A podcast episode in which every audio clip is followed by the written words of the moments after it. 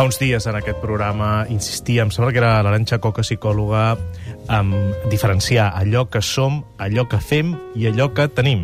Àlex Rovira, molt bona nit. Molt bona nit, l'Àlex avui Gaspar? al seu bloc de notes i du anotada una frase d'Eduardo Galeano. Som allò que fem per canviar allò que som. Sí, senyor. Quin... Som allò que, fem per canviar, per canviar allò, allò. que som. És bona, eh? Sí. Clar, aquesta, aquesta frase, som allò que fem per canviar allò que som.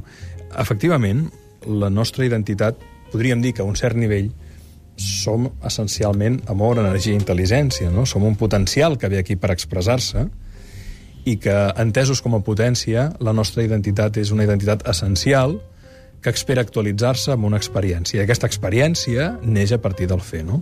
Però el que és molt bo d'aquesta frase és que el que ens diu és que si fem, canviem i som diferents. L'evolució, el canvi, ve pel fer, cal fer. Com hem dit moltes vegades, val molt més una petita acció que una gran intenció, perquè l'acció mobilitza lo essencial. Una acció diferent mobilitza el coratge, que és la capacitat d'arriscar-nos, tot i que tinguem por, perquè creiem que hi ha quelcom que té sentit i que val la pena fer, no? Um, ahir tenia una, una discussió molt interessant no? amb una persona que em deia, clar, però arriscar-se et pot portar patiment, és dolorós, no? El gran problema és que el dolor ens hem cregut que és quelcom negatiu, i al contrari, el dolor és la gran porta a la transformació, perquè paradoxalment, i no estic fent apologia del dolor, eh? però és la porta que ens porta a la fragilitat, a la humilitat, a la consciència.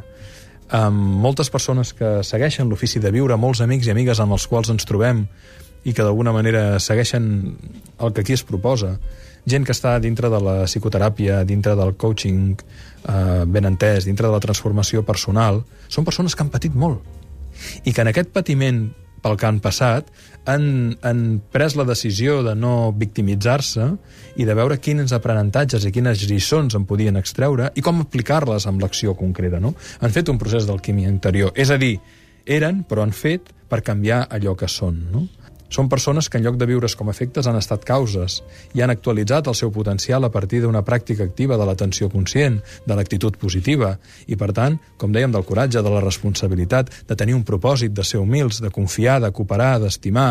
Hi ha hagut una actualització activa d'allò que és que està en el món de les idees o que està en el món del pensament i de l'emoció, però que s'encarna en l'acció. Cal fer, cal fer per canviar allò que som per esdevenir d'una manera diferent. No? I només cal constatar com el dolor automàticament el primer que provoca és el canvi en la nostra interacció amb els demés. I ens porta l'empatia, bàsicament, perquè d'alguna manera el, el, el dolor, eh, si som capaços de sentir-lo i de, i de lliurar-nos a ell, ens porta a, a ressonar emocionalment amb l'altre, i per tant a empatitzar, i per tant a, a, a, buscar, a buscar la cooperació natural, la compassió natural.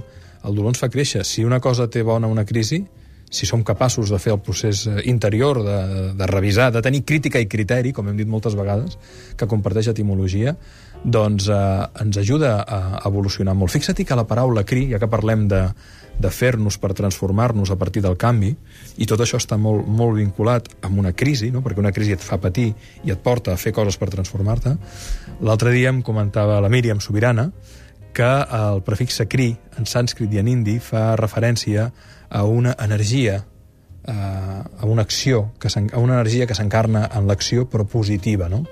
Fixa't que la paraula Krishna, que la paraula Crist, eh, tenen a veure amb aquesta, amb aquesta arrel, no? Amb l'arrel que ens porta a convocar el millor de nosaltres mateixos. Per tant, és, és molt interessant fer l'exercici mental d'imaginar-nos, no?, com seria la nostra vida si visquéssim atents i si poguéssim triar en cada moment donar allò el millor de nosaltres. De vegades és molt difícil, de vegades és impossible, no? sobretot quan, quan hi ha sentiments tòxics que ens arrosseguen i que necessiten temps per, per netejar-se, ja sigui un dol, ja sigui la rancúnia que sentim quan ens hem sentit traïts, no? Però si et fas un treball interior i tot això es va esveint amb el temps, te n'adones que hi ha un impuls de la vida, aquest crit de la vida, que, si realment el, sapiguéssim, el sabéssim escoltar, ens n'adonaríem que um, si poguéssim lliurar-nos a ella donant en cada moment el millor que som i el millor que podem fer, el món seria molt diferent, no? Això que estem vivint ho podríem canviar entre tots si prenguéssim consciència de que podem no podem fer tot allò que volem, però podem fer molt més del que imaginem, no? Creus que el dolor és inevitable transitar-lo en aquesta societat en què tendim a mirar de arraconar-lo, passar-lo ràpid. El dolor a la vida és inevitable. Com deia Buda, el patiment és opcional. I probablement és cert, el patiment és, és la recreació mental del dolor que de vegades ens porta a territoris estèrils de victimització. És l'escuma que neix de, de, fer, de fer voltar eh, el, el cobert contínuament sobre la pàtina del dolor. No? El, patiment, el patiment de vegades és excessiu i, el, i, no és, i no és tan necessari. El dolor és inevitable. El dolor forma part de la dialèctica de la vida, el dolor estarà en la pèrdua, estarà en el canvi, estarà en la transformació necessària. És inevitable.